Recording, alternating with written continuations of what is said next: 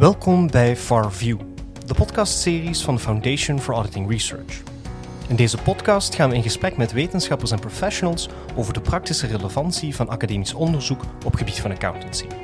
Foundation for Auditing Research is een autonome onderzoeksinstelling gericht op wetenschappelijk onderzoek naar de kwaliteit van accountantscontrole in Nederland.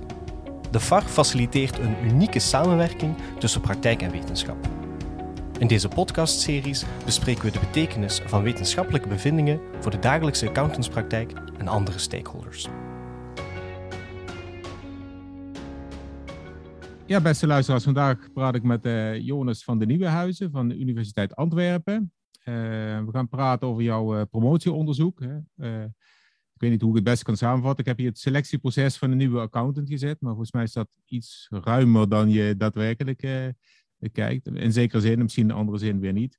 Uh, ja, misschien wil je jezelf even voorstellen en ja, hoe je in de audit, het auditonderzoek terecht bent gekomen, uh, waarom het jouw interesse heeft, misschien ook wie je promotoren zijn.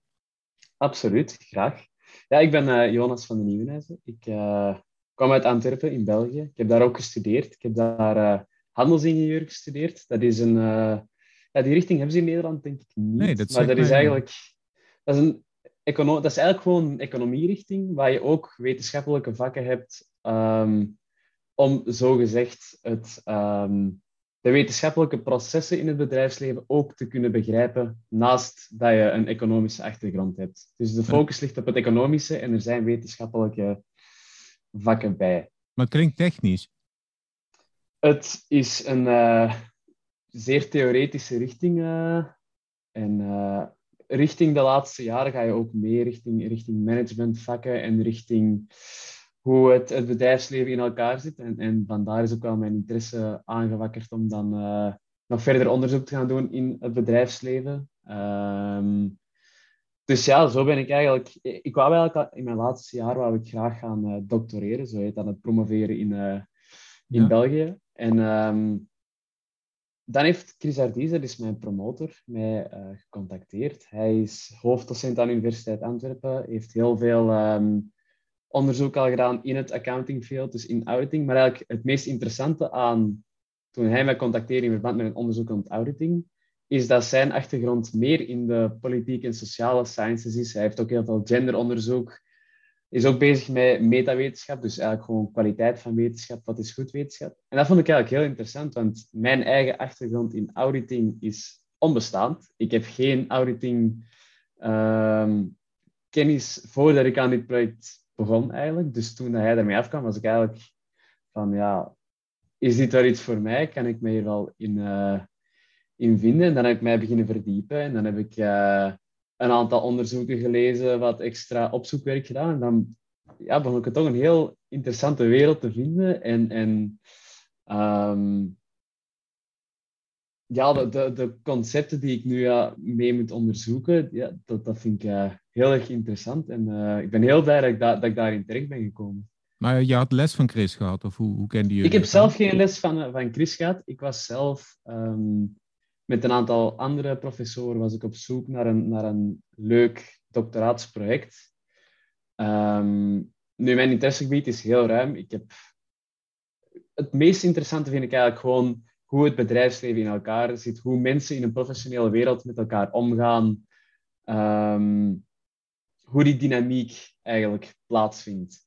Mm -hmm. En um, Chris Adis was zo op mijn naam terechtgekomen en zo zijn wij eigenlijk uh, in gesprek geraakt over dit onderwerp. En dit onderwerp uh, zocht hij nog een, uh, een kandidaat voor. En daar heb ik dan op geappliqueerd. En zo ben ik op dit project terechtgekomen. En nog geen seconde spijt van gehad. Nou, uh, gelukkig.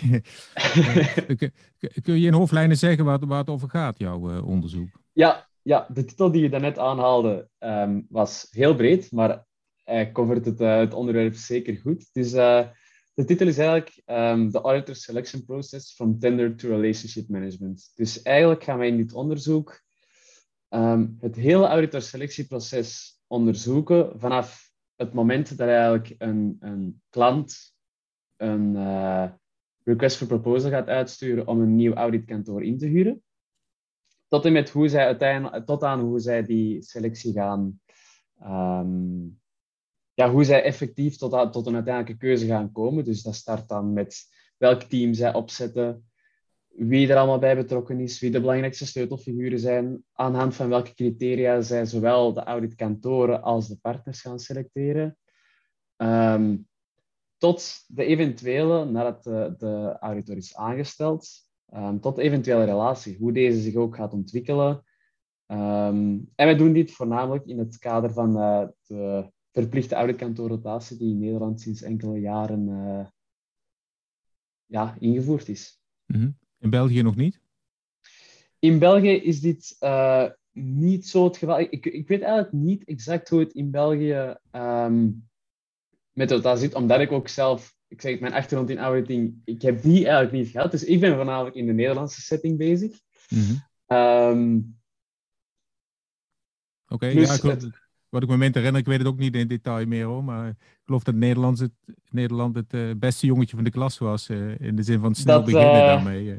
Zowel in het snel beginnen als in het onderzoek dat zich ook, ja, hoe zij daarmee bezig zijn, daar merk je wel dat het in Nederland een stuk verder gevorderd is dan hoe dat het in België het geval is. En, en waarom, waarom is het onderwerp nu dan zo interessant? door, die, door die verplichting. Want kijk, het zoeken van een nieuwe accountant is natuurlijk al heel oud eigenlijk. Dat klopt, dat klopt. Nu, het zoeken van een account is heel oud, maar wat je bijvoorbeeld dan merkt in enkele van de cases die wij behandeld, die net een verplichte rotatie hebben meegemaakt, eigenlijk hadden zij de 90 jaar daarvoor dezelfde accountant gehad. Dus zij hebben gewoon die rotatie nog, nog niet meegemaakt. Um, en in hoeveel nu, gevallen komt dat voor? Eigenlijk in de gevallen die wij al hebben gehad. Um, Zijn het uitzonderingen? Vier, Uitzonderingen? Wij, wij, wij, hebben momenteel vier cases behandeld en drie daarvan um, hadden al heel erg lang dezelfde auditor gehad voordat uh, zij nu dan gewisseld zijn. Ja, ja, ja. Maar zijn het uitzonderingen of is, komt dat heel veel voor? Um, ik kan daar in, over de ruimere um, maatschappij niet veel over zeggen, want dat, okay. dat weet ik zelf niet. Maar in mijn cases zijn het er drie van de vier, dus dat is misschien ja. wel al een, uh, een teken aan de wand, zeg maar. Ja, ik weet niet, die kunt ze hebben uitgezocht natuurlijk. dat kan natuurlijk, ja. We, we, hebben, we hebben eigenlijk, um, want dat hebben we met behulp van het natuurlijk gedaan, wij hebben via hen contact met uh, uh, grote auditkantoren en zij hebben klanten voor ons uitgezocht die net uh, wel een rotatie hebben gedaan of die net in dat proces bezig zijn. Dus ik denk niet dat daar specifiek gezocht is naar zij die al heel lang geen rotatie meer hebben gehad. Maar goed. Nee, dat weten we dan niet. Uh, maar goed, je bent dan in zekere zin, voor, maar goed, tussen regels door las ik ook dat je wel denkt dat het proces anders verloopt nu dan het zou verlopen als er niet die verplichting er was. Of heb ik dat verkeerd geïnterpreteerd? Het proces zal, oh, naar mijn gevoel, want wij hebben ook één case waarbij er een, een, vrijwillige, een vrijwillige rotatie um, uitgevoerd is. En uiteraard zijn daar heel veel gelijklopende zaken in wie dat daar uiteindelijk die beslissingen meemaakt. Um, een groot deel van de criteria waarop zij selecteren zullen ook wel gelijklopend zijn. Maar wat je natuurlijk wel merkt is bijvoorbeeld in dit geval, en dat is dan wel een specifieke case, maar zij wisselen van accountant omdat ze ontevreden zijn over die accountant. En zij gebruiken dan de slechte eigenschappen, dus de eigenschappen waar zij niet tevreden van zijn, als belangrijkste criteria voor de selectie van de nieuwe accountant. Terwijl dat bij de verplichte gevallen, eh, bij de, bij de bedrijven die een verplichte rotatie uitvoeren, dat niet direct het geval is. Uh, jullie kijken vooral hè, naar de engagement partner. Dat, is, dat klopt. Dat, is, dat, dat ligt met name onder het vergrootglas. Waar, waarom is dat zo belangrijk?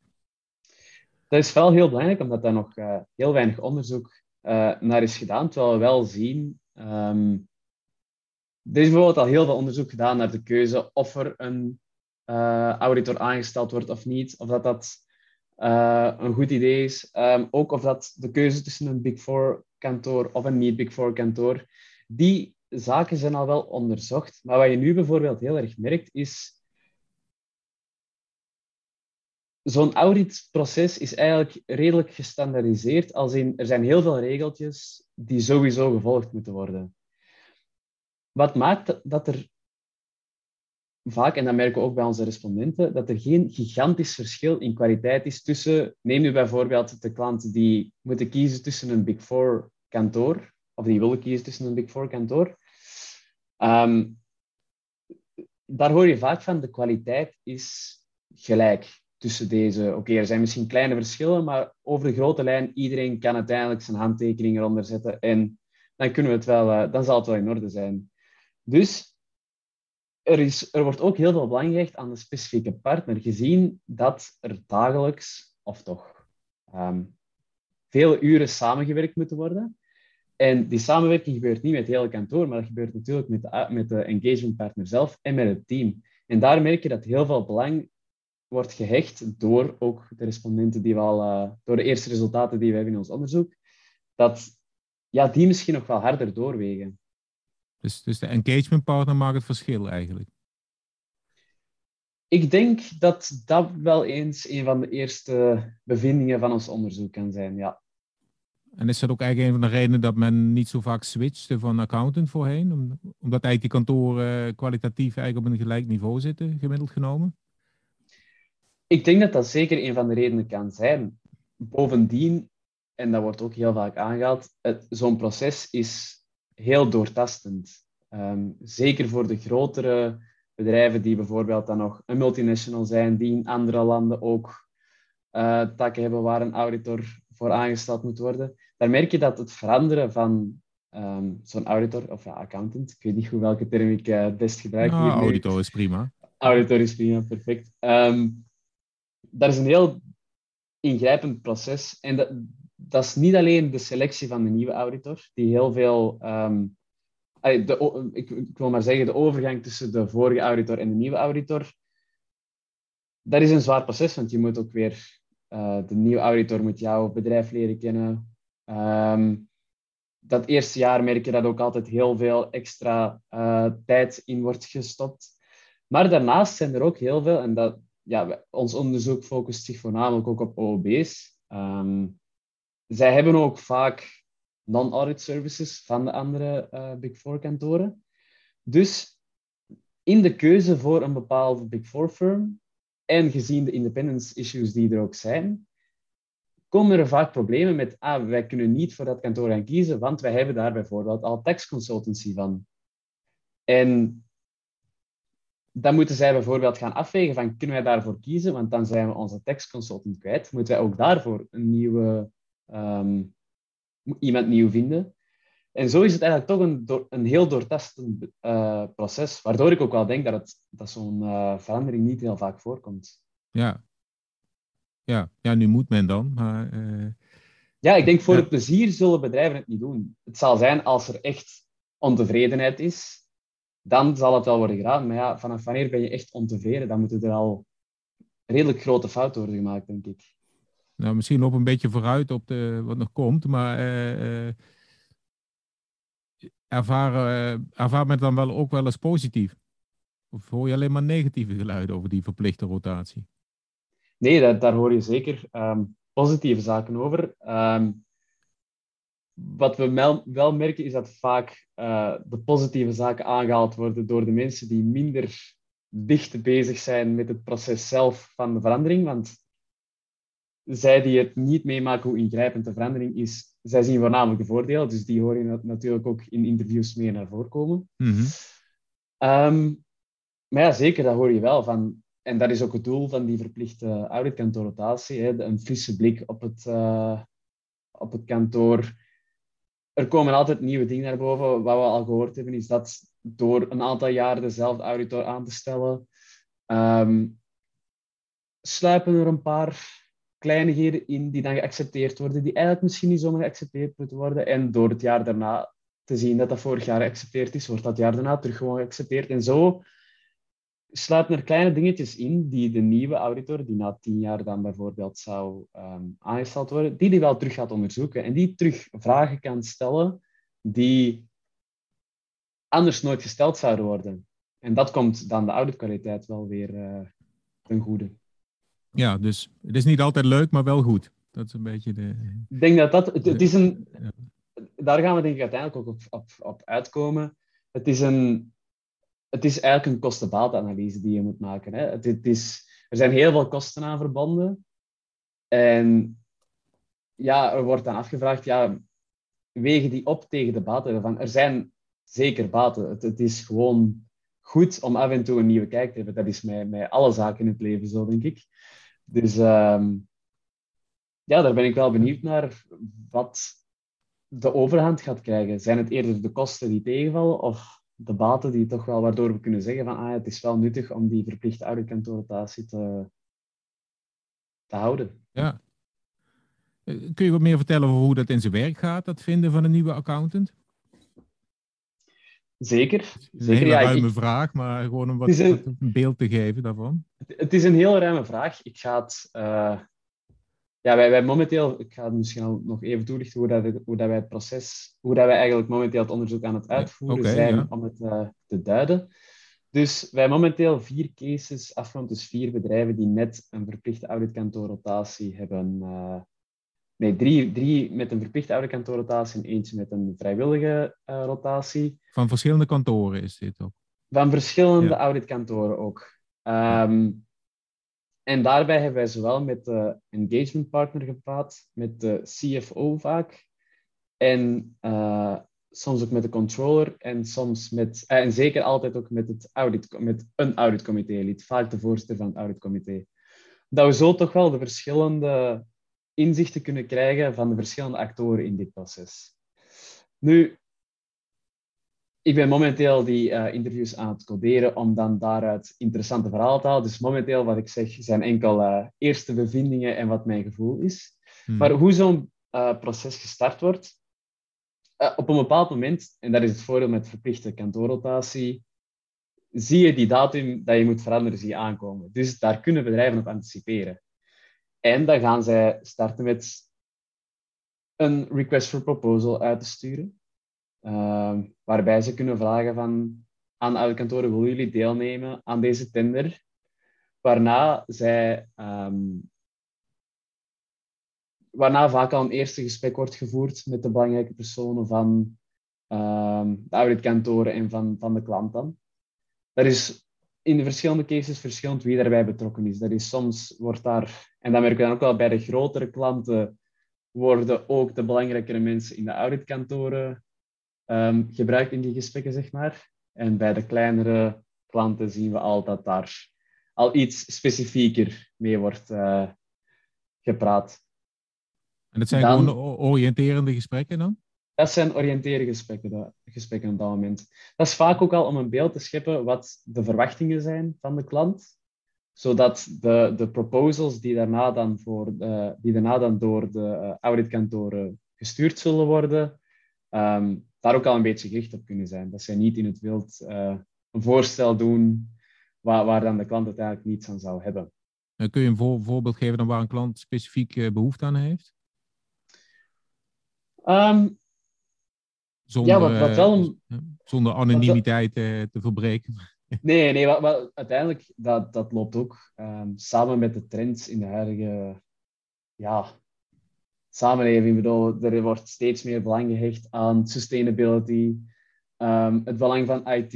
Ik bedoel, het zijn de zaken die ook gewoon altijd aan bod komen, zeg maar, gewoon in het, in het nieuws, in het bedrijfsleven. Dat zijn zaken, ja, als een uh, het kantoor ver gevorderd is met hoe zij met sustainability en met reporting daar rond omgaan, um, ja, dan hebben zij wel een streepje voor. Dat is bijvoorbeeld wel een verschilmaker die wel een paar keer zijn, uh, zijn tegengekomen. Mm -hmm.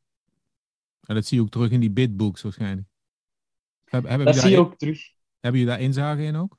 Ja, dat is heel, uh, een, een, heel groot voordeel aan ons project, vind ik. Wij, hebben, wij kunnen van al onze um, respondenten hebben, zij hebben toegang tot een kluis uh, waar zij alle informatie kunnen opladen rond, rondom hun selectieproces, waar wij dan toegang toe hebben. Dus die data gaat dan bijvoorbeeld, zien wij eigenlijk alle uh, proposals die de, kantoor, die de deelnemende kantoor hebben uitgestuurd, maar ook hoe deze beoordeeld worden. Dus daar kunnen we heel mooi dan gaan vergelijken wat nu effectief de belangrijkste zaken zijn in zo'n proposal. Eh, maar hoe, hoe wordt zo'n beoordeling daarvan dan vastgelegd? Want jullie kunnen in die, in die documenten kijken, zeg jij. Zijn dat verhalen mhm. van verschillende personen die erbij betrokken zijn? Of zijn er criteria aangelegd door de cliënt die mensen beoordelen? Of hoe ziet dat eruit? Ja, de cliënt in, meest, in, in het grootste deel van de gevallen heeft de cliënt al een aantal criteria vooropgesteld die zij moeten terugzien in het voorstel. Waar zij dus al gaan beoordelen. Nu, wat dat we al een aantal keer zijn tegengekomen, is dat er um, een, selectiecommissie wordt opgezet door de cliënt.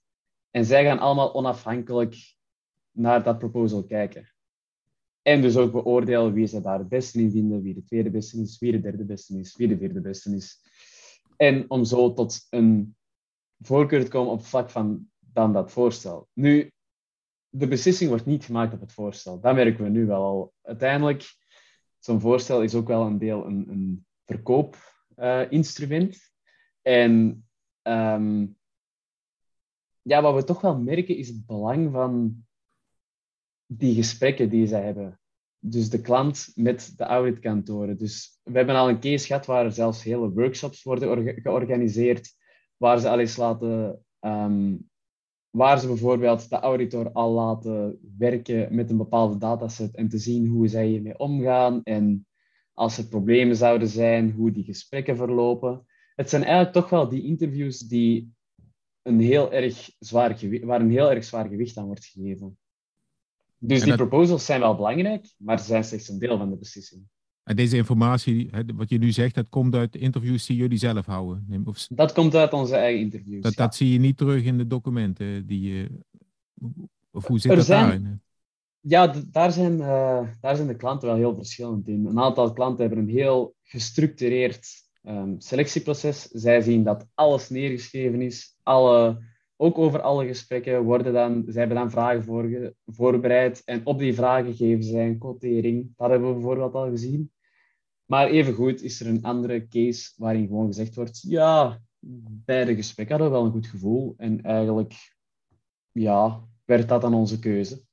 Dus mhm. daar zijn, daar zijn wel grote verschillen in. Uh, wie, wie hakt die knoop uiteindelijk door? Dat is een, een heel um, delicate zaak, zeg maar, om ook in... Uh, eh, want um, wettelijk gezien zou het auditcomité daarvoor ja, de verantwoordelijke moeten zijn en eigenlijk zelfs, zoals aangewezen wordt in onderzoek, maar ook door best practices, door zouden zij daar eigenlijk de belangrijkste en misschien zelfs de enige beslissingnemer in zijn. Nu, dat is niet het geval in de, um, enerzijds in onderzoek dat we al hebben gezien, maar dat merken we ook nu terug in, ons, uh, in onze interviews. Um, er zijn heel veel mensen die daar ten eerste invloed op hebben. En de definitieve beslissing die wordt soms toegewezen aan het auditcomité zelf, maar eigenlijk merken we eerder dat het de op voorhand opgestelde selectiecommissie is die de beslissing gaat maken. En die selectiecommissie die bestaat vaak uit en het auditcomité en het management. Uh, een combinatie van een aantal mensen. Um, en zij maken dan de beslissing. Zij gaan dan met die voorkeur naar dan de Raad van Commissarissen, om zo door te gaan naar de uh, aandeelhoudersvergadering, waarna dan de beslissing bekrachtigd wordt. -hmm. En, en, deze informatie over dat proces, komt dat ook met name uit die interviews? Of is, wat, hoe wordt dat dan? Dat komt uit de interviews. Want daar moeten we wel heel gevoelig mee omspringen, dat merken we wel. Um, Omdat zo voorgeschreven is dat het auditcomité zo belangrijk is in die beslissing, moeten we wel een beetje tijdens de interviews aanvoelen waar nu de effectieve beslissingnemer zit. Mhm. Want het eerste antwoord is vaak ja, het auditcomité beslist dat. Maar als je een beetje probeert te graven, dan voel je, ja, hebben andere mensen wel een grote invloed op. En waar ligt nu de echte beslissing, uh, beslissingskracht, zeg maar? En hoe, hoe kom je daarachter? Wat voor vragen stel je dan? Ja, dat, uh, ja daar start je eerst met, met heel open vragen. En dan probeer je um, de respondent heel veel te laten vertellen over, over hoe het gaat. En dan spring je ergens in als je denkt, ah, dat, daar hoor ik hier iets interessants wat misschien niet, wat misschien niet direct de bedoeling was om zo te zeggen. En dan ga je daarop verder. En zo, uh, zo komen er wel interessante, interessante verhalen uit. Ja, ja, ja. Maar die mogen jullie ook allemaal gebruiken.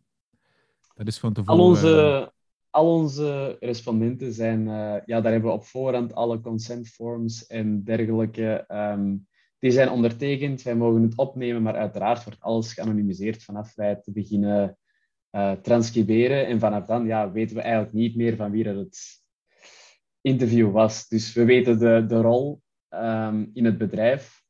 Maar ja, alles heeft een nummertje gekregen. Dus ja. je weet niet over wie dat dit specifiek heeft, uh, heeft gezegd. En dan mogen we die data wel gebruiken. Mhm. Uiteraard zijn er ook zaken die af en toe in het interview worden gezegd, die we niet meteen zomaar mogen gebruiken. En daar moeten we ons dan ook wel aan houden. Dat, Ja, is, ja. dat is nu eenmaal zo. Ja, ja. En die stakeholders, hè, je noemt het ordecomité al, maar er zijn natuurlijk nog meer aandeelhouders. eh, eh, eh, eh, hoe gaan jullie daarmee om? Zijn het aparte interviews? Of? De ehm auditcomité-leden die spreken we apart. ja, Ehm, ja, met de, de- met de aandeelhouders zelf is het eigenlijk, hebben wij nog geen interviews gehad in verband met die beslissing. Ook gewoon dat we eigenlijk merken dat die ehm, uiteindelijke beslissing door de aandeelhoudervergadering dat die slechts een formaliteit is. Als het proces goed verzorgd is, dan hebben zij, da- dan hoor je vaak van zij hebben de, ja, zij hebben een goed proces gehad, zij hebben ehm, een weloverwogen beslissing gemaakt. Waarom zouden de aandeelhouders die dat dan heel extern en niets van het echte proces afweten, daar tegen zijn? En dan merk je ook in heel veel onderzoek dat de uiteindelijke beslissing van aandeelhouders, bijvoorbeeld in auditor ratification studies, daar zie je dat eigenlijk er weinig bezwaar komt van aandeelhoudervergadering. Ja, wat ik nog aardig vond om te lezen in het voorstel, is dat die, ja, die audit committee leden zich vaak in een eh, autoriteit voelen aangetast. Door die rotatie. Kun je dat wat verder uitleggen? Mhm. Ja, de- in die studie is het inderdaad het geval dat de, dat de auditcomité-leden zich eh, daardoor aangetast voelen, omdat zij natuurlijk ehm, formeel de beslissingsbevoegdheid hebben eh, om te zeggen, om te beoordelen hoe een auditor ehm, het doet, of die het goed doet, of die het slecht doet, en dus ook om ehm, een nieuw auditorselectieproces te starten als het nodig zou zijn. Door die auditkantoorrotatie valt dat al een deel weg, want er moet verplicht geroteerd worden na die tien jaar. Ehm, nu heb ik op zich in de cases die wij behandeld hebben, heb ik niet het gevoel dat dat hier zo meteen terugkomt. Ehm, ik heb zelfs eerder het gevoel dat de rol van het auditcomité eerder beperkt is in heel dat selectieproces en in het beoordelen van, eh, van de auditor. Ik heb echt gevoel dat er een heel erg oversight rol van het auditcomité is. Dus zolang dat zij horen dat alles goed is, zal wel alles goed gaan. Dat, daar, daar heb ik tot nu toe meer het gevoel dat dat, een, eh, dat dat eerder de insteek van het auditcomité is, in plaats van heel erg actief en er kort op zitten bij, bij de auditors. En verbaas je dat? Goh, eigenlijk wel, ehm, omdat er eh, ja, natuurlijk voorgeschreven is hoe belangrijk de rol van auditcomité's is. Ehm, langs de andere kant verbaast het me niet, omdat het uiteraard zo is dat het management en de, mensen, de interne mensen van een, van een klant dan, zij moeten dagdagelijks werken met de auditoren. Dus ik snap ook wel dat er een bepaalde invloed daarvan moet komen, want ik vind auditkwaliteit, hè, dat, daar wordt altijd ehm, heel veel belangrijk echte auditkwaliteit komt doordat er heel veel onafhankelijkheid is. En daardoor is er ook het auditcomité die dan onafhankelijk een, een eh, oversight role moet hebben eh, over, over de ehm, auditor. Maar in mijn ogen is auditkwaliteit ook wel gewoon nog een beetje ruimer dan enkel onafhankelijk en een goede ehm, Wat is ook een goede audit afleveren? Dat is dan ook weer de vraag. Eh, er is ook heel veel onderzoek over en auditkwaliteitsproxies en dergelijke waar ik mijn vragen bij stel. Ik ben ook heel geïnteresseerd in eh, dat soort zaken van eh, ja, wat nu een goede methode is om auditkwaliteit te onderzoeken. Maar in mijn ogen draait een goede audit ook rond dat er heel goed moet... ja, dat een goede samenwerking tussen de auditor en het bedrijf. Want uiteindelijk moet een auditor wel de gegevens krijgen van het bedrijf. Zijn er eventueel... Ja, er is een bepaalde dynamiek nodig, een goede dynamiek nodig tussen de klant en de auditor om tot een goede auditkwaliteit te komen. En dat komt in mijn ogen niet enkel door alle beslissingsbevoegdheid bij het auditcomité te leggen. Nee. Oké. Eh, nou, we maken weer een uh, bochtje naar het onderzoek.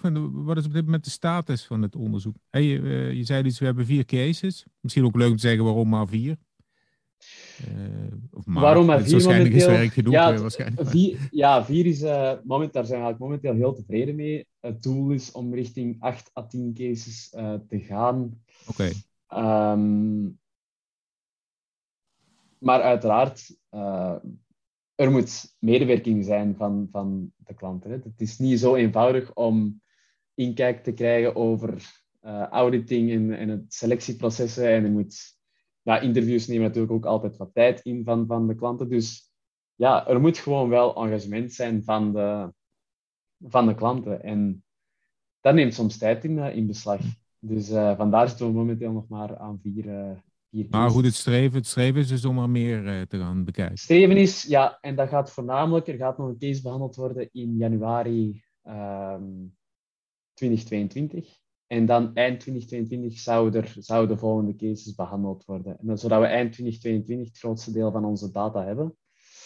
Um, nu gaan we al met de data die we nu hebben, al eerste bevindingen proberen neerschrijven om ook te kunnen fine-tunen richting de, de volgende cases, wat we zeker nog willen weten. Want het is uiteraard een breed onderwerp. En om daar nu in te vinden waar we echt iets over willen schrijven, daar, moeten we, daar kunnen we wel nog wat fine-tuning gebruiken richting de laatste interviews, denk ik.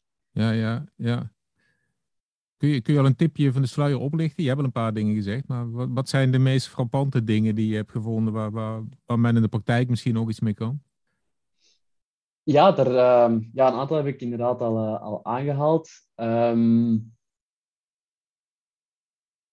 ja, de praktijk is natuurlijk ook heel ruim. Hè? Uh, er zijn een aantal partijen um, die eh, nut kunnen hebben van dit onderzoek. Hè? Dus we, we, eindigen ook elk interview met een vraag over wat nu de effectieve mening is over die verplichte auditkantoorrotatie. Dus dat kan heel interessant zijn richting regulators en dergelijke, of zij daar, ja, of het wel een goed idee is om die verplichte auditkantoorrotatie te hebben. En wat, zegt, wat zegt men daar?